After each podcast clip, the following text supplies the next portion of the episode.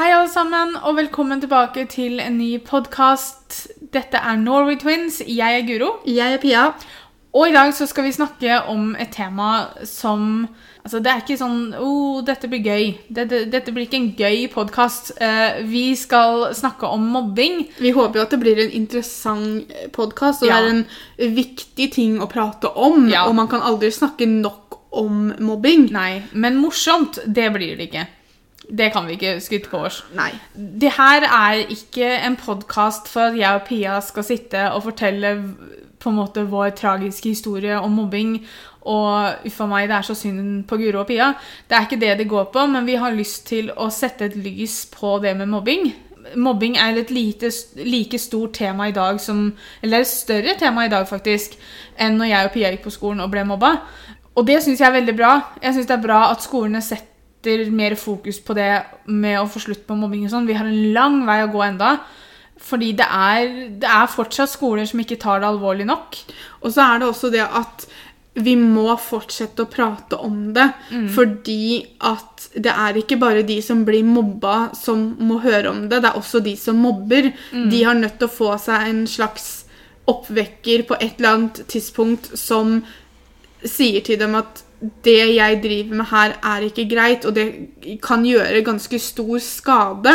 Og jeg syns vi skal begynne med, for vi har eh, fått et par kommentarer som vi hadde lyst til å ta med her, som er et klassisk eksempel og et perfekt bevis på eh, hvorfor vi ikke må slutte å prate om mobbing. Og det er jo da en eh, herlig dame som har lagt igjen eh, litt Eller som ga oss et tema som hun syntes vi skulle prate om i podkasten.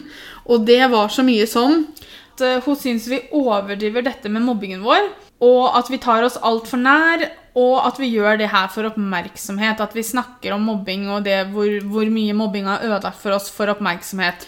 Hun er halvveis rett med det på, om oppmerksomheten, fordi vi snakker om det for å få oppmerksomhet. Ikke oppmerksomhet på oss, men oppmerksomhet på mobbing og hva det kan gjøre med en person.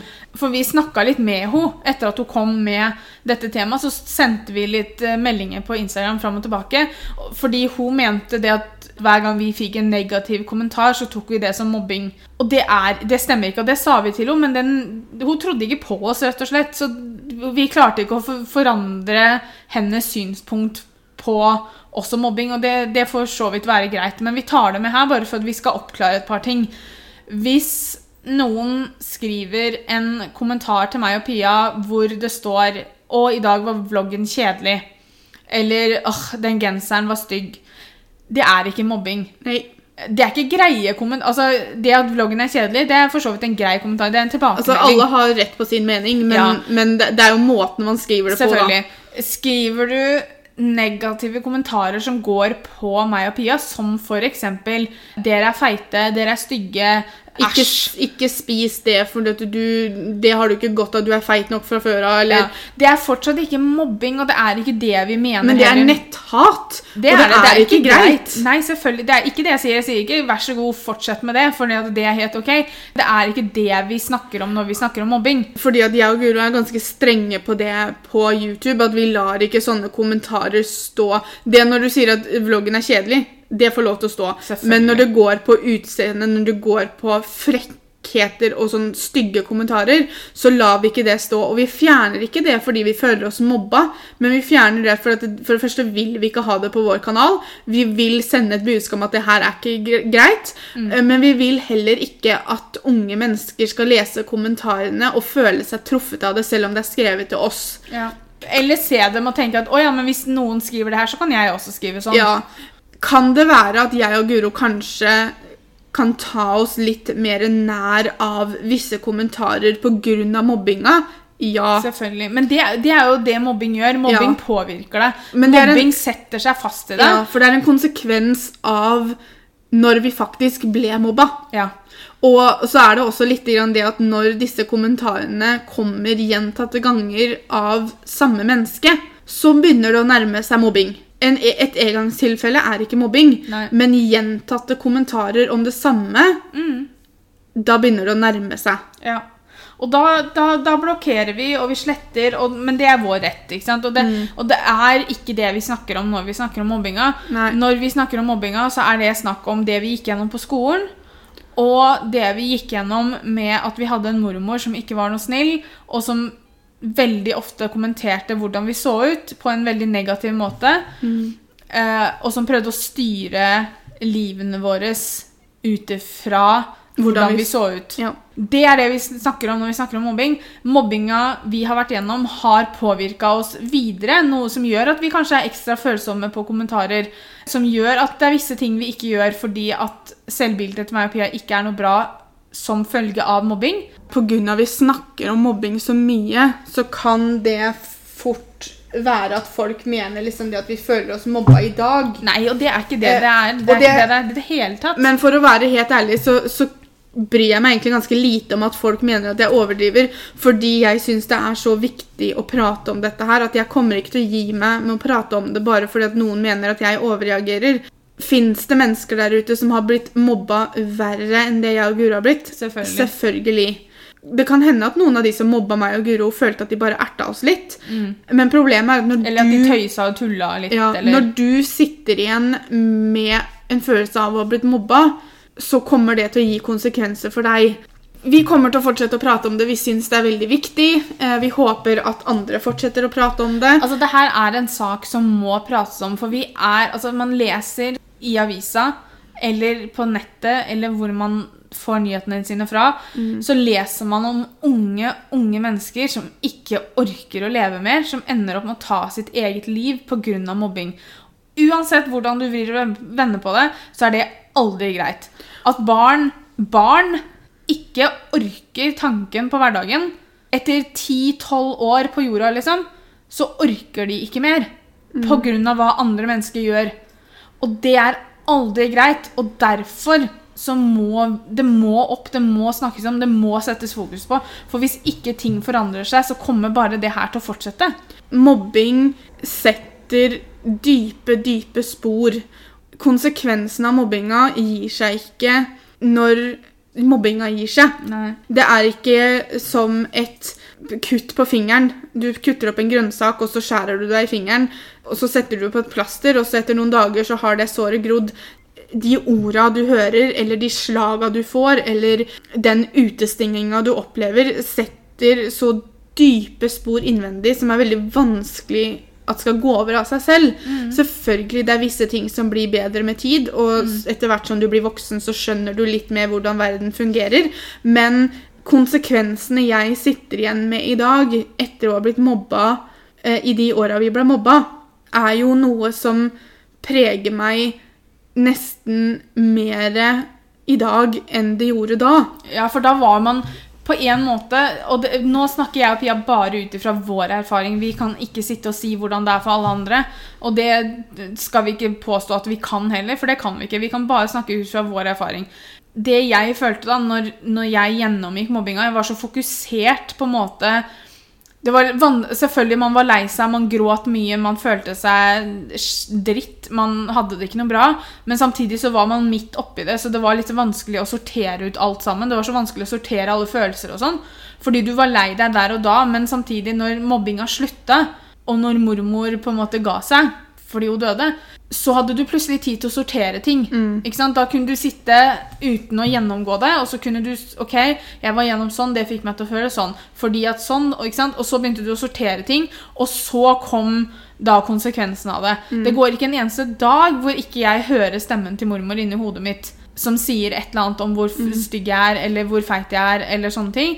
Det går ikke en eneste dag hvor ikke jeg tenker på et eller annet som har med det vi gikk gjennom å gjøre. da. Noe som er veldig vanskelig. Og det gjør det vanskelig for de rundt meg også. Sånn, særlig tenker på med Petter, liksom. Da, for jeg er ikke flink nok til å åpne meg om det.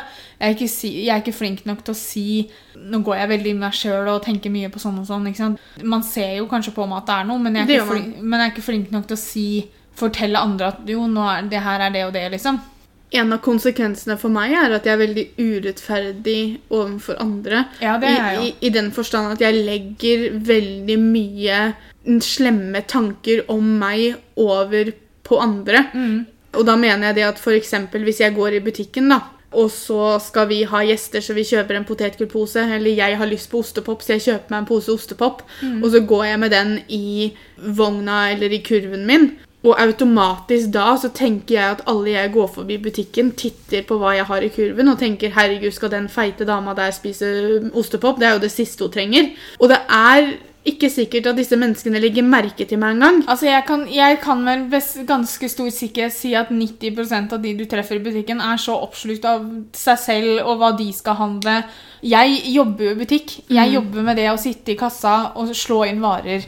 Og, og når jeg har slått inn varene til én person og sagt ha det til den personen, så kunne du kommet opp til meg og så kunne du sagt Guro, hva handla den personen? Og så hadde ikke jeg visst det, fordi du er veldig fokusert på den personen i det du holder på. Men jeg går jo ikke rundt og tenker at den personen kjøpte tre potetgullposer. For det første så har jeg ikke noe med det.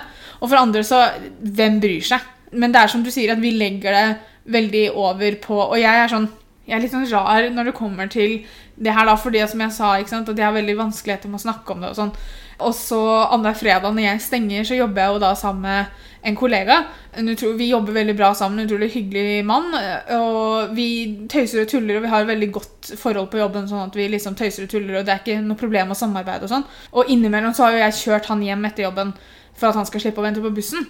For to fredager siden eller noe sånt. Så når vi kjørte hjemover, så var det et eller annet vi kom inn på som gjorde at jeg, det bare pøsa ut av meg. Og jeg har blitt mobba for sånn, og mormor var sånn, og mormor sa sånn, og de har gjort sånn og sånn med meg, og jeg, og jeg Stakkars altså Han bare fikk sånn derre han, han, han ble sånn psykolog, da. eh, For meg, plutselig. Og jeg husker ikke hva det var som gjorde at vi kom Men vi snakka om det, det var ikke noe jeg bare plukka ut av løse lufta og så bare Hør her! Og jeg har enda ikke liksom fått sagt unnskyld til han, på en måte, da, for at jeg liksom dusja han med alle mine ting. Eh, fordi at det ble så jeg, jeg klarte ikke å stoppe meg selv. Mens jeg satt og fortalte han alle sammen, så satt jeg sånn Guro, hva er det du holder på med? Han her bryr seg Altså, Hvorfor skal han vite det her, liksom? Jeg gjorde det til fysioterapeuten min under en behandling en gang. Og jeg får jo behandling i det at hun bruker en sånn massasjemaskin-type ting. Kan ligne litt på torturredskap, men eh, hun bruker det først, og så ligger jeg jo med strøm for smertelindring etterpå. Og da pleier jo ikke hun å være i rommet, for da begynner jo hun på neste pasient. Oh, ja. Men så begynte vi å prate om noen greier, da, og så begynte jo jeg bare å lesse av meg. Uh, så hun fikk jo ikke gått ut av rommet. Uh, men hun spurte jo spørsmål tilbake. Så det var Ja, ikke det at det- Hun altså- prøvde jo ikke, hun sto ikke med én hånd på dørhåndtaket liksom bare 'Herregud, jeg må ut'. Og det var jo samme med han her. ikke sant? Altså, han, sa, han sa at nå blir jeg oppriktig lei meg å høre hvordan du har hatt det, og hvordan du fortsatt har det. og sånn. Så det var ikke det at jeg, han fikk prate, han òg, liksom. Ja, men jeg tror det, for jeg har ikke jeg har ikke nødvendigvis problemer med å fortelle om det, fordi Nei. jeg føler at det er viktige ting å snakke om. Jeg pleier å se han mer personlig jeg snakker med, for det Ja. er ikke alle som syns det er greit å høre om. Det er ikke alle som vil høre om det. Og så handler det er jo om hvem vi er komfortable med ja, også. Noen blir veldig ukomfortable, for de vet ikke hva de skal si eller gjøre. Mm. Og jeg forventer ikke, når jeg lesser av meg det her, så forventer ikke jeg på en måte en mirakelløsning tilbake. ikke sant? Men Nei, det er noen nei. som blir sånn 'Å nei, hva skal jeg si for å løse det her for henne?' Det handler jo om det å få tømt seg litt innimellom, Ja. tenker jeg. Fordi at da hadde jeg hatt en sånn periode hvor jeg hadde tenkt veldig mye på det. Mm. Ikke sant? Og så til slutt så ble jeg bare sånn at å, nei, jeg må bare nå må jeg bare fortelle det til noen. Fordi at det er en lettelse, det òg. Det pleier jeg alltid å si når vi snakker om mobbinga. Prat med noen. Fortell hva du går gjennom til noen. Jeg og Pia var ikke flinke nok til å fortelle mamma og pappa om det vi gikk gjennom. Enten om det var det med skolen eller det med mormor. Vi var ikke flinke nok til å fortelle mamma og pappa sånn at vi kunne få hjelp.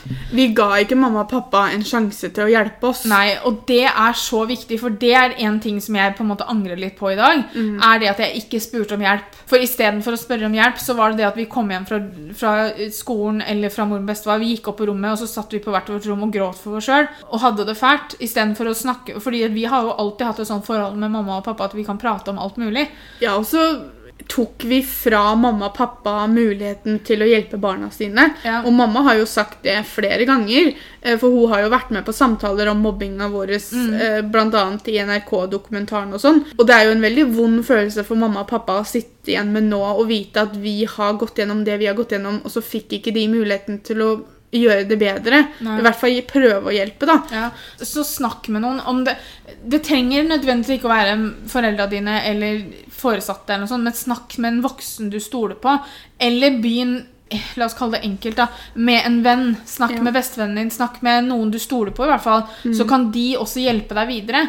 Om det er helsesøster på skolen, eller om det er læreren din, eller hvem det nå er. Snakk om det, vær åpen om det. Hvorfor skal alle andre ha det bra unntatt deg, på en måte? Og jeg vet hvor vanskelig det er, for det er så lett nå i ettertid å sitte og snakke om det, snakke om det, for vi gjorde jo ikke det sjøl.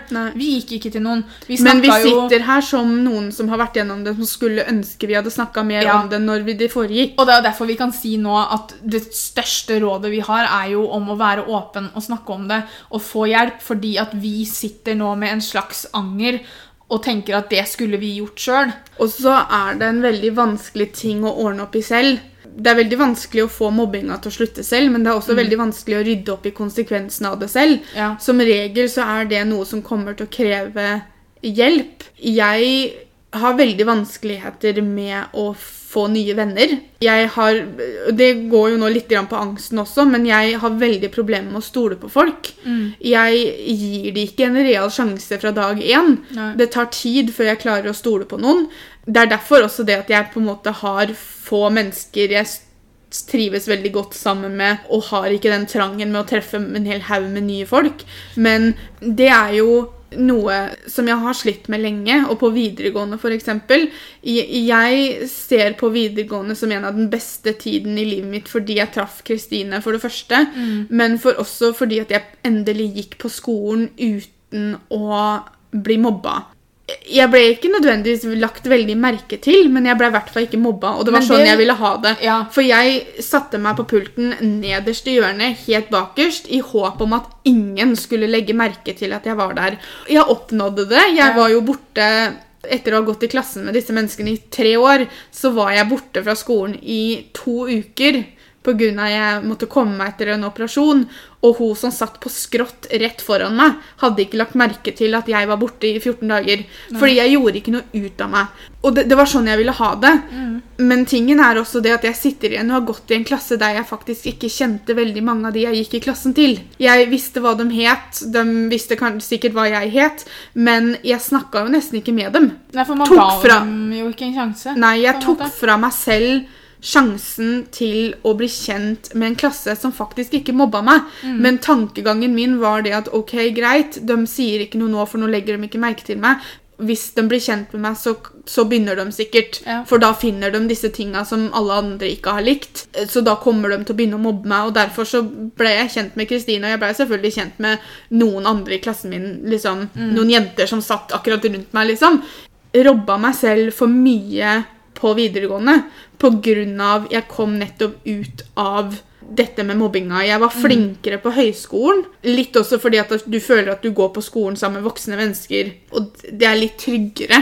Altså, Jeg tenker jo også på samme måte som deg. da. Altså, eh, Videregående var den fineste tida, skoletida jeg hadde. Og nå har jo jeg en, en, en solsynshistorie fra videregående som på en måte ikke begynte så fint. da.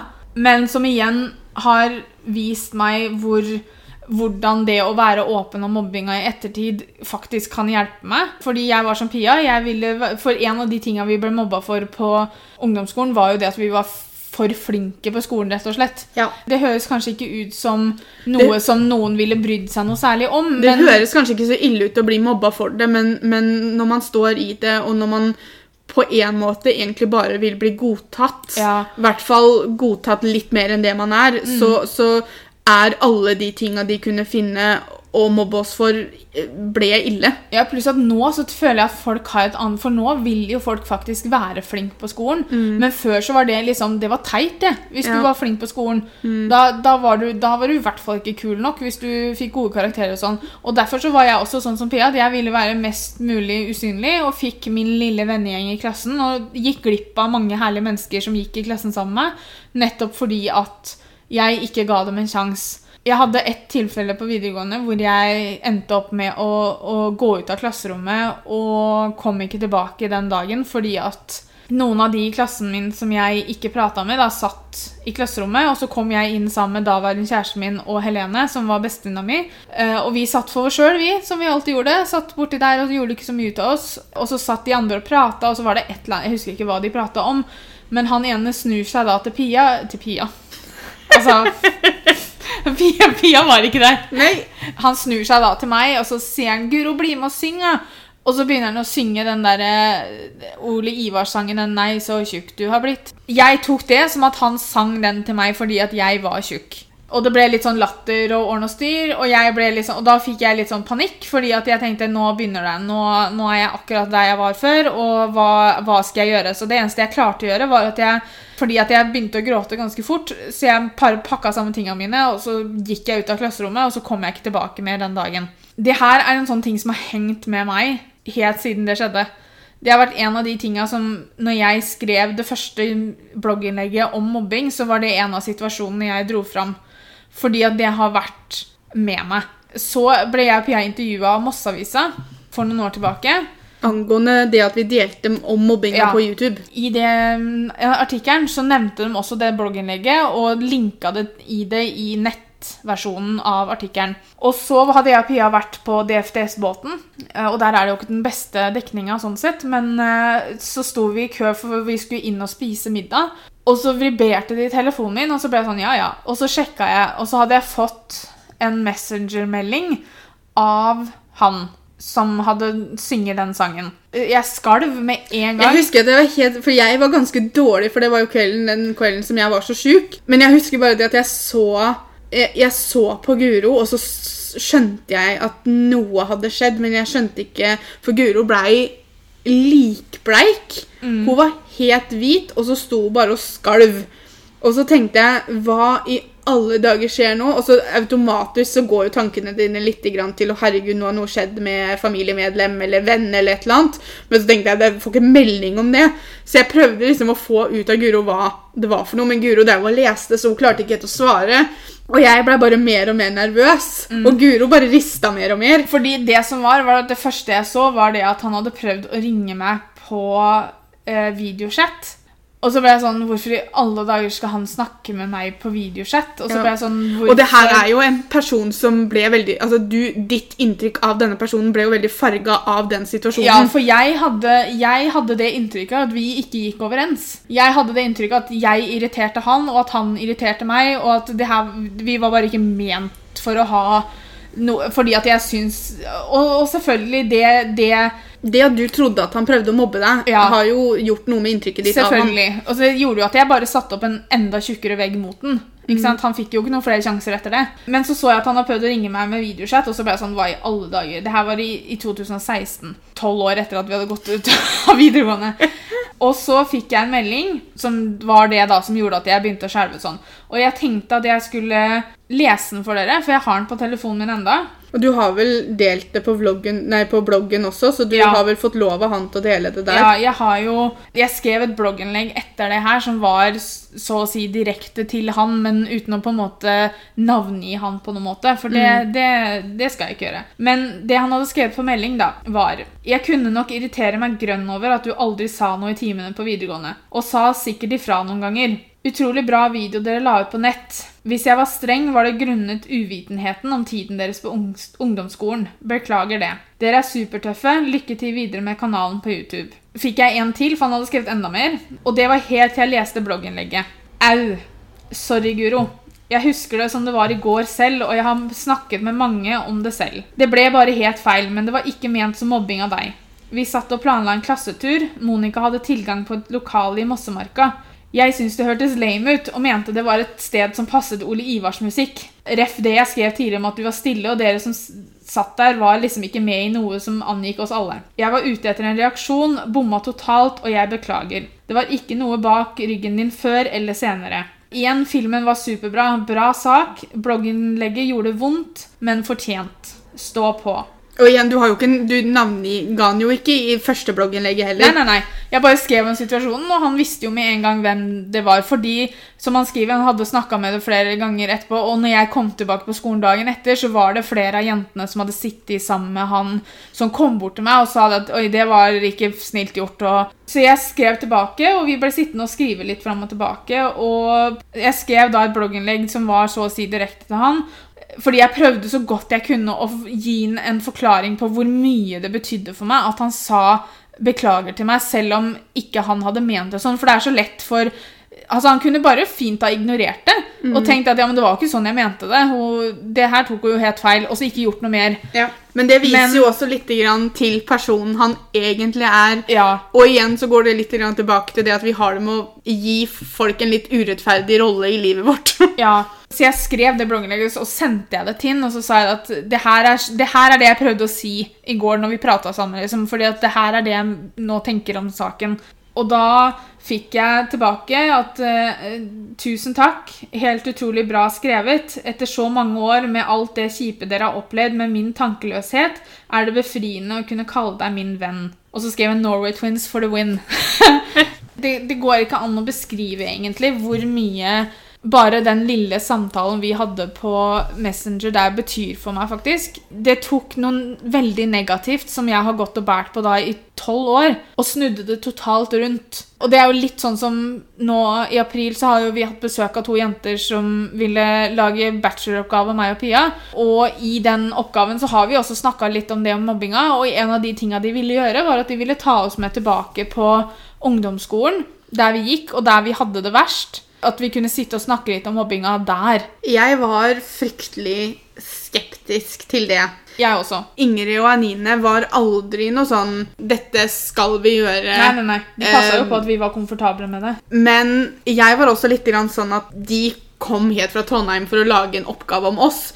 Så hvem er jeg til å sette meg helt på bakbeina for noe de vil, da? Jeg sa til meg selv dagen jeg gikk ut av ungdomsskolen, at hit skal jeg aldri tilbake. For mine følelser så har alltid ungdomsskolen vår hatt en veldig stor rolle i hvordan jeg tenker på mobbeperioden. Den har vært en del av fienden, for å kalle det det. Når jeg har tenkt på de som mobba oss, så har automatisk skolen fulgt etter, fordi det er der det skjedde. Ja. Det går ikke på at ingen gjorde noe. Altså Lærerne takla det kanskje ikke på den beste måten, men de Nei. prøvde å gjøre noe. De prøvde å gjøre ting bedre.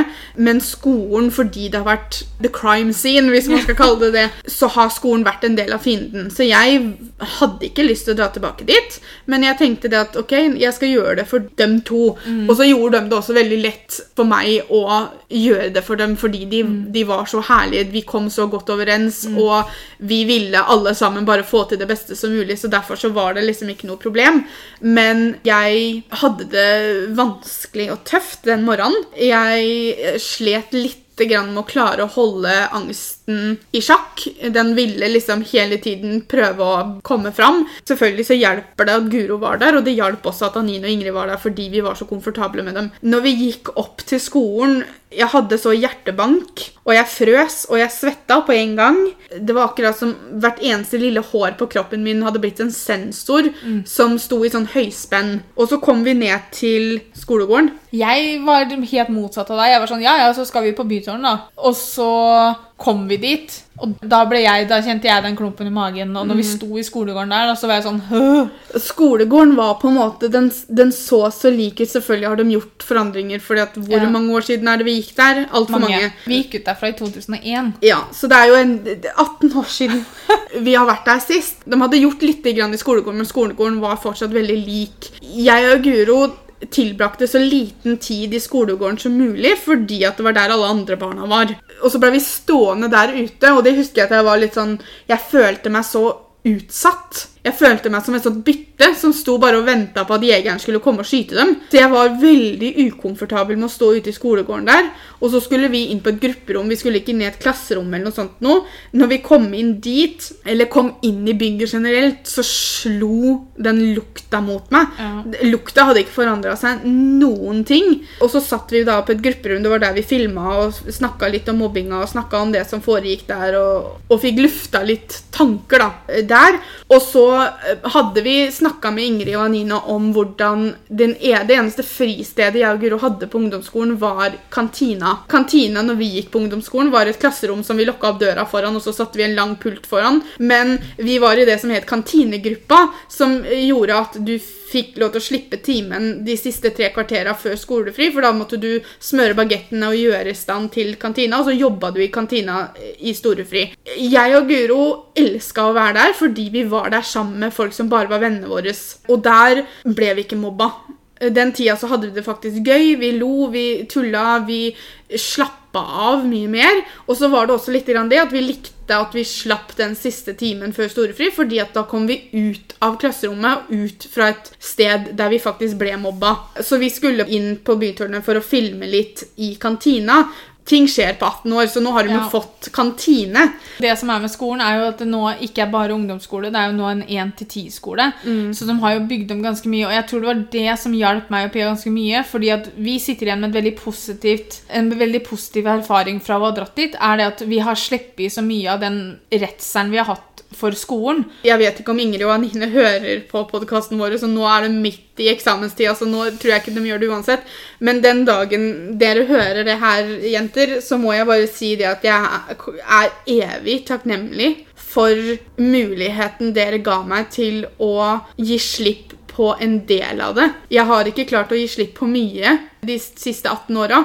Men nå har jeg klart å gi slipp på den ene fienden som jeg har satt ganske høyt ganske lenge. Og det har betydd mer enn egentlig jeg kan ut, uttrykke. Det, det betyr like mye som den positive opplevelsen du hadde med Messenger og hans på videregående. Ja. Fordi at alt som kan gjøre at jeg gir slipp på noe, er en veldig positiv ting. Ja, selvfølgelig. Og skolen så såpass annerledes ut at til og med når vi satt i kantina der, så var vi liksom sånn Jeg hadde ikke kjent meg igjen hvis ikke jeg hadde visst hvor jeg var hen. Eh, Det var et sånt lite øyeblikk der som jeg tror nesten både jeg og Guro begynte å gråte, for vi titta rundt oss, og plutselig så så vi rett på han som var klasseforstanderen vår.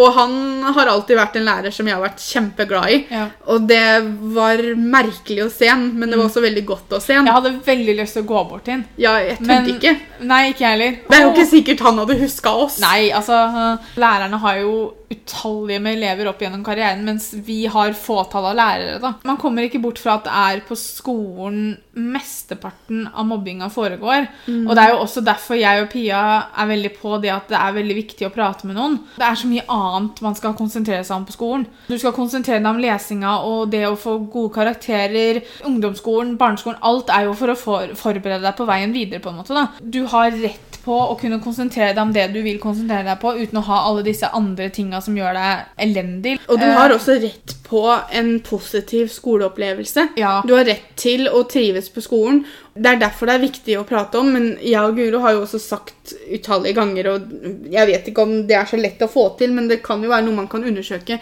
Men vi har jo sagt flere ganger at vi kunne veldig godt tenke oss og kanskje få muligheten til å prate med skoleungdom på en skole, holde et foredrag. Ja. Ikke det at vi skal stå der og legge ut om våre psykiske problemer, men, men, Men bare snakke med elever som er i den alderen som trenger å høre det. At de som blir mobba, hører at de ikke er alene. Mm. Men det er også veldig, veldig viktig å snakke med de som mobber, for de må bli klar over hva de gjør. Men det er også veldig ofte at de som mobber, sliter med noe selv. De Og- liker kanskje å si det at 'jeg har det helt topp', 'jeg Ja. har det perfekt', men innerst inne, hvis du føler at du må være så negativ, hvis du føler at du må ødelegge livet til noen, da er det et eller annet som skurrer nederst på bånn et eller annet sted. Altså. Og det er som Pia sier, jeg og Pia er ingen eksperter på mobbing. Vi har bare vår egen erfaring å fortelle om, men allikevel så syns vi det er så viktig å prate om. Jeg kunne dratt rundt på alle skolene og snakka om det her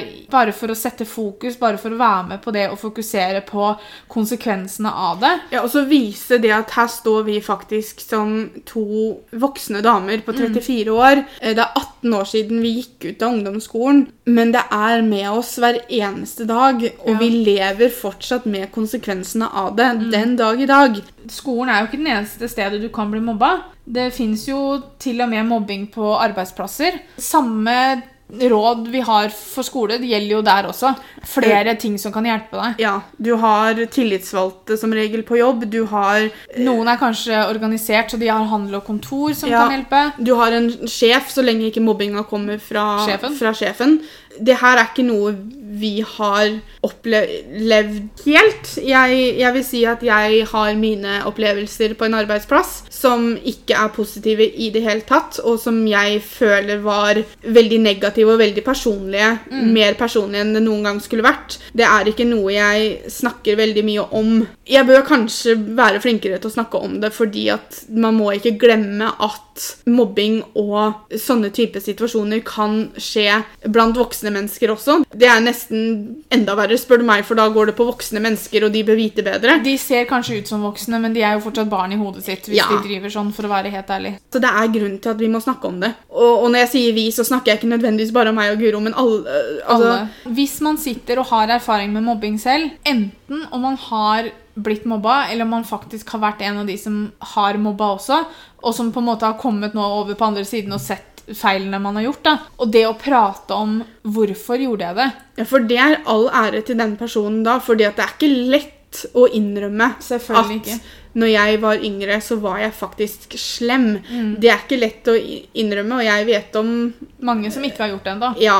Jeg har fått spørsmål om jeg har tilgitt de som mobba oss. Pga. jeg lever med det sånn som jeg gjør den dag i dag, så er det veldig vanskelig å tilgi. Det jeg pleier å svare, og det jeg prøver så godt jeg kan å leve etter, er at hvis jeg ser bevis på ikke nødvendigvis det at de viser meg det, men yes, nå har vi sosiale medier. Man kan se disse menneskene på en annen måte enn det man, man kunne før. Hvis jeg ser at en av de som mobba oss, har blitt voksen i dag, at de har forandra seg, at de har forandra tankegang og ta væremåte, og behandler folk på en bedre måte enn det de gjorde Jeg vet ikke om jeg skal si at jeg kan tilgi dem, men jeg kan legge de litt mer bak meg. Det handler litt om det å gi slipp igjen. da. Ja. Du gir ikke slipp nødvendigvis på det som skjedde, men du gir slipp på menneskene. Og jeg gjør ikke det for dømmets skyld, men jeg gjør det for min skyld. Sta-siden av meg føler at de fortjener det ikke, for de har ikke sagt unnskyld. Jeg har eksempler på folk som jeg vet at ikke har forandra seg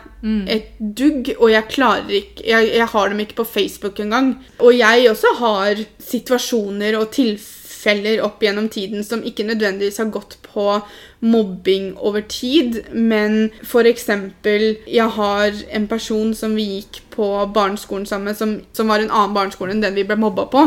Der blei vi ikke mobba i det hele tatt. Som ikke ville ha kontakt med meg igjen mens vi gikk på, på bytårnet fordi at jeg hadde lagt på meg siden jeg var syv-åtte år, liksom. Det var sånn, Fact check. De har mest sannsynligvis du òg, liksom. For det første så var det en person som hadde betydd veldig, veldig mye for meg når vi var små.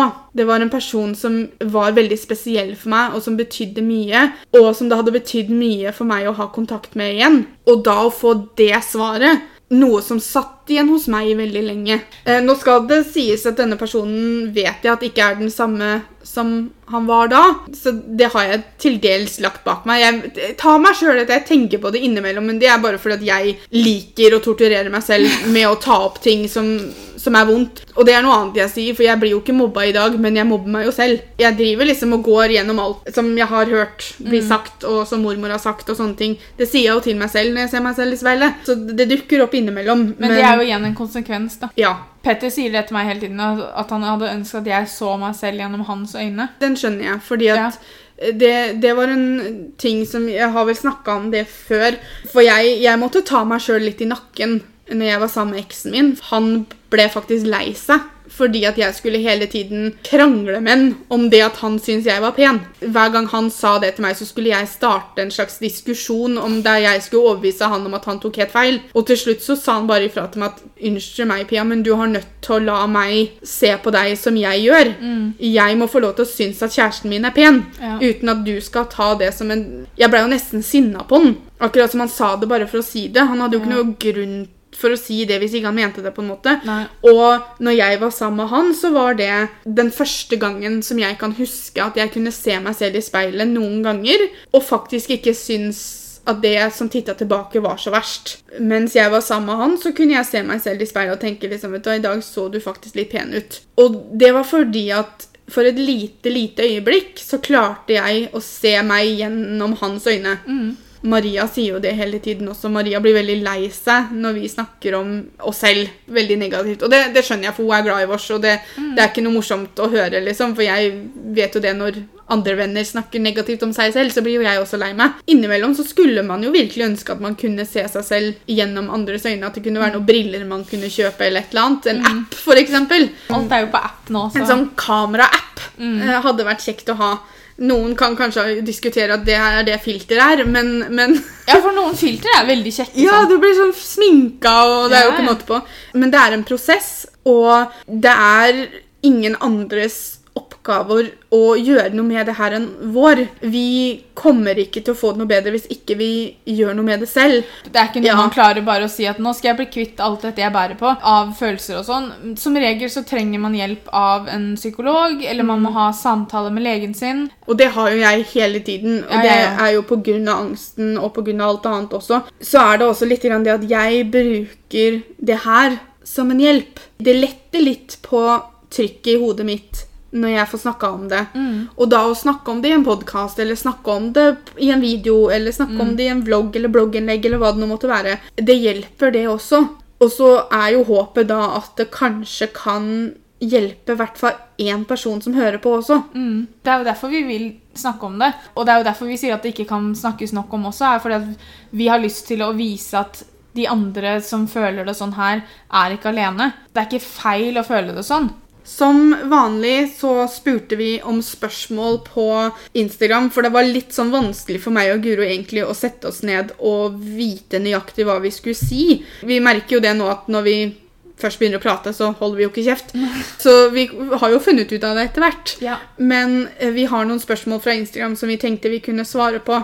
Det var en som skrev til oss Jeg begynte å mobbe andre fordi jeg selv ble mobbet. Skjønner at det ikke er greit, men er det like ille? Beklager å måtte si det, men jeg som sitter her og har blitt mobba, ville aldri påført det samme noen andre, uansett om det er min verste fiende, så hadde jeg aldri drømt om å påføre det til andre. Fordi jeg vet hvordan det er. Jeg kan skjønne hvor tankegangen kommer fra med det at dette mennesket var jo også gikk jo også gjennom noe. Men tingen er, og det er det jeg og Guro mener når vi sier at be om hjelp, fordi at å bare da legge alt over på en annen uskyldig sjel er ikke Ja. riktig det heller. Nope. Da må man faktisk gå inn i seg selv, og så må man be om hjelp og si det at du, jeg har det ikke noe bra.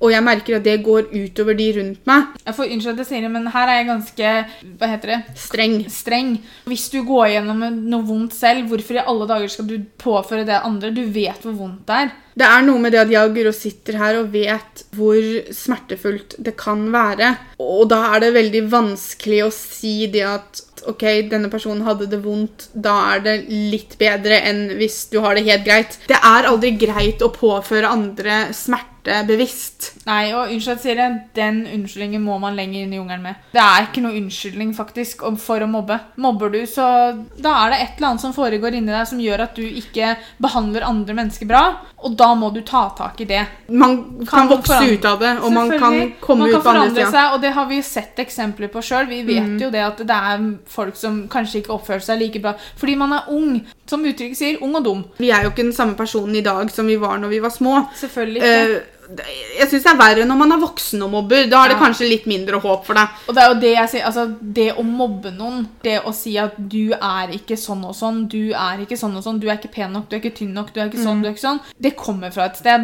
Jeg hater å måtte si det, men mest sannsynlig så kommer det fra foreldre som sitter hjemme og kommenterer andre mennesker til, til, om hverandre. ikke sant? De ser en person på TV kanskje, og så sitter de og 'Å, herregud, se på henne', eller 'Å, herregud, sånn, sånn'. Og så hører barn Barn plukker opp alt. Og det bør ikke bare komme fra foreldre, men i dag så kommer det fra internett. Ja, Og det altså, kommer fra media. Hvor, ja, hvordan man snakker om andre mennesker på sosiale medier. Hvordan man snakker om andre mennesker i media generelt. Det er så mange steder man kan plukke opp disse småtinga. Det største rådet er vel egentlig bare å ikke mobbe.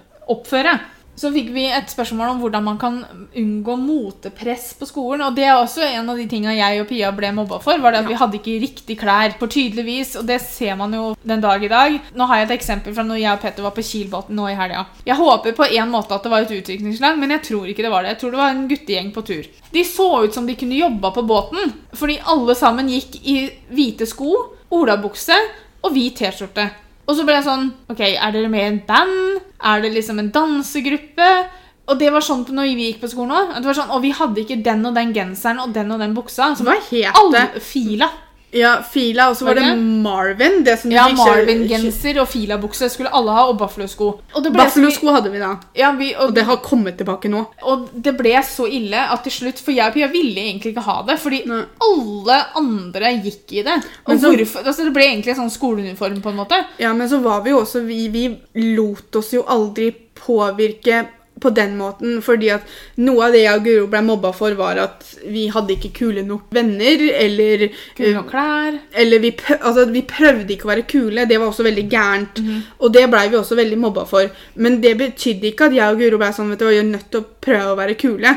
Fordi at vi ville være oss selv. Ja. Og vi med tanke på hvordan de som var så kule, kunne oppføre seg. Da, så hvorfor ville vi være som dem? Så jeg og Guro var aldri sånn at vi gikk hjem og ville ha klærne så vi kunne passe bedre inn. Vi ønska oss Buffalo-sko, det Ja, ønsket vi oss, men, men det var det var- mest for de ekstra centimeterne, tenker jeg. Ja, og så var det også litt fordi at de, var, de fantes i veldig mange forskjellige Mm. farger og varianter, så du, alle gikk ikke med samme fargesko, liksom. Eh, men de var jo også litt kule. Vi syntes jo de var veldig Ja, ja, ja. kule.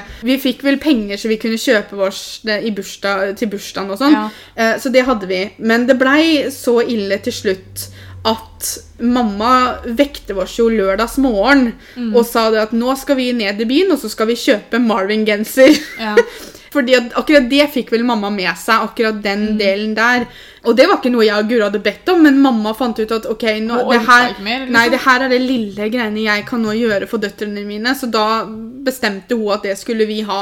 Og da gikk jo vi litt kledd som alle andre jentene på skolen. Og det, Ja. altså, jeg skjønner det i dag, at mote og sånn er veldig viktig, men altså Men i dag så tror jeg ikke det går så mye på at alle skal ha det merket. Det er mer sånn alle skal gå med crop top i dag. ja. Men igjen, det er jo litt sånn der, det går litt tilbake til den, der, den guttegjengen som jeg så på båten nå sist. da. Vi følger jo en Instagram-konto som heter Nå koser vi oss. Og de legger ut stadig vekk ut bilder av eh, folk som har tatt bilder av vennegjenger og sånn som er ute og går ved byen. Og all, de går likt kledd. Jeg skjønner ikke hva som er Hvorfor er det så Hvorfor er det noe å gå etter, da? Altså, Jeg vil gjerne se ut som vi, vi kommer At vi er spydd ut av samme motebladsida, liksom. Men jeg tror også det her er veldig lett for oss å sitte og si i dag fordi vi er voksne og vi tenker på det på en annen måte. Ja. Det er nok ikke like lett å tenke sånn når du er midt oppi det. Men, men, men finn din stil, fordi det er ingenting som på en måte gjør at du ser bedre ut enn hvis du faktisk går med klær du vil gå med. Men i dag er det vel også litt inn det å finne sin egen stil og skille seg ut litt. Grann, og Jo, men samtidig så ser du jo fortsatt det, da, at alle skal ha sånn og sånn Ja, genser, for da- og alle da- skal ha sånn og sånn, og alle skal ha sånn og sånn. Da vil vel det kanskje også være noe som de faktisk får høre litt om, da. Ja. At de som på en måte bestemmer seg for at vet du, jeg skal skille meg ut, for det her er den klesstilen jeg vil ha. Ja, så jeg, jeg, jeg tror Man kan ikke unngå det med motepress, tror jeg, men man kan, man kan velge å ignorere det litt sånn som jeg og Pia prøvde på. Og det er ikke alltid like lett. Det er ikke det,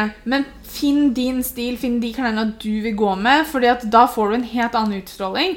Og om 90% av jentene i klassen din eller guttene har lyst til å gå med samme klær og lage sin egen skoleuniform, så får de lov til å gjøre det. Det er ikke til å komme unna det at det er ikke alle klær som passer alle typer kropper. Nei. Og jeg vet ikke om jeg og Guro kanskje brukte akkurat det der med å niholde på det at vi ikke skulle ha disse klærne. Eller ikke skulle være kule. At det var vår litt sånn overlevelsesmekanisme. Fordi vi niholdt på det vi mente var verdt å holde på. Mens vi gikk på skolen, så var det jo den, der, den eh, trenden med det at buksa så å si så vidt skulle dekke hohaen din før knappen kom. Altså, Buksa var jo så langt nede, så du, du kunne jo nesten forestille deg resten. på en måte, for det var så langt ned. Uansett åssen man vrir og på det, den buksa hadde aldri kledd meg! Ting hadde tøt i både her og der. altså, Det hadde ikke gått. altså. Altså, Jeg må ha bukse med høyt liv. Jeg må holde ting på plass her. Det er ikke alltid man kan gå i alle trendene. Og det er ikke alltid alle trendene er for deg. Fordi du syns Jeg, altså jeg har ikke med å følge trendene, for jeg, jeg skjønner meg rett og slett ikke på det. Så jeg, ser, jeg kan se ting som er fint, jeg òg, men jeg tenker liksom Jeg tenker aldri 'Å, den må jeg ha, for den går alle andre i'. Men det er litt Ikke sant, vi har erfaring, vi har, vi har vokst opp med det å på en måte kjøre vår egen stil. da Det er rådet mitt til det å unngå det. Prøve å ikke la det påvirke deg. Og det er ikke, det er ikke så lett. Nei. Det, for det er Det er lett for oss å si, for Ja. vi går ikke på skolen. For det er ikke alltid så lett å være den som skiller seg ut heller. Det rådet jeg egentlig kunne ha gitt gjennom hele den podkasten her, er jo det å være seg sjøl. Være ærlig med seg sjøl. Si 'dette her er meg'. De som ikke liker meg, de får bare ikke like meg. Jeg trenger ikke å være venner med alle. liksom. Man skal ikke akseptere mobbing. Man skal ikke bare la det gå. Men man skal være stolt av seg sjøl, man skal være glad i seg sjøl. Man skal stole på at man er den personen man er ment for å være. Du er bra nok som du er. Og så kan egentlig de som mener annerledes, og som bare vil være slemme og ekle og forferdelige, de kan gå og ta seg en bolle. Det er, veldig lett for meg å sitte her og gjøre sånn og sånn, og så er det ikke alltid vi følger rådene våre sjøl heller. Men det er jo også en ting, for det er veldig lett å si det til andre. Det er ikke så lett å høre på, på seg selv. Nei, nei, nei. Det er mye her vi på en måte sier til dere som vi syns at dere skal prøve å gjøre, som vi ikke klarer å gjøre sjøl. Helt til slutt så får jeg og Pia vi får veldig ofte spørsmål om tiltak mot mobbing. Hva, hva man kan gjøre for at mobbing skal ikke være mer. Hva, hva man kan gjøre for å bekjempe mobbing. Og jeg og Pia har ikke noe fasitsvar på det. Igjen, Det blir bare det vi har sittet og sagt nå hele tiden. er at Vær åpen hvis du Si blir mobba. Si ifra, ja. Si ifra hjemme, si ifra til en lærer, si ifra til rektor, si ifra til en venninne som kan hjelpe deg å få sagt ifra til noen voksne som kan hjelpe til. Og så Eh, er det det også å tørre å kreve å bli hjelpa. Og jeg har lest utallige saker hvor mobbeofre har gått til sak mot skolen fordi ikke skolen har gjort noe. mm, Det er jo noen som har gått til sak mot kommuner òg. Skolen skal hjelpe deg. Jeg ser også veldig ofte saker hvor mobbeofre må bytte skole. Og så blir jeg sånn, hvorfor er det du som må bytte ut skole? For da blir jo på en måte du straffa. Jeg skjønner hvis det er veldig mange, og du bare vil bort fra minnene og sånne ting. Hvis Ja. du velger det sjøl. Men hvis det er løsningen til skolen, er at da må du nesten bytte skolen. Hvorfor er det du som blir straffa? Mobberne blir igjen og får lov til å holde på som de alltid har gjort, mens den som faktisk har vært gjennom et helvete, de må bytte De må starte på helt ny skole, hvor kanskje de kommer inn som den nye. Det er jo ikke lett. Og må liksom skaffe seg nye venner. Det er så feil måte. Så krev å bli hjelpa. Krev å få hjelp. Krev å få en bra dag, du også. Du også har like stor rett som alle andre til å ha en god skoleopplevelse. Og så må vi fortsette å rette oppmerksomhet mot det. Det må, fortsette å prate om det. det må fortsettes å prates om. Vi må fortsette å se folk snakke om det i media. Mennesker som har en plattform å prate på, må fortsette å prate om det. Kanskje en vakker dag så kan vi begynne å se en forbedring, og at vi kan hjelpe til på den måten vi kan hjelpe til på.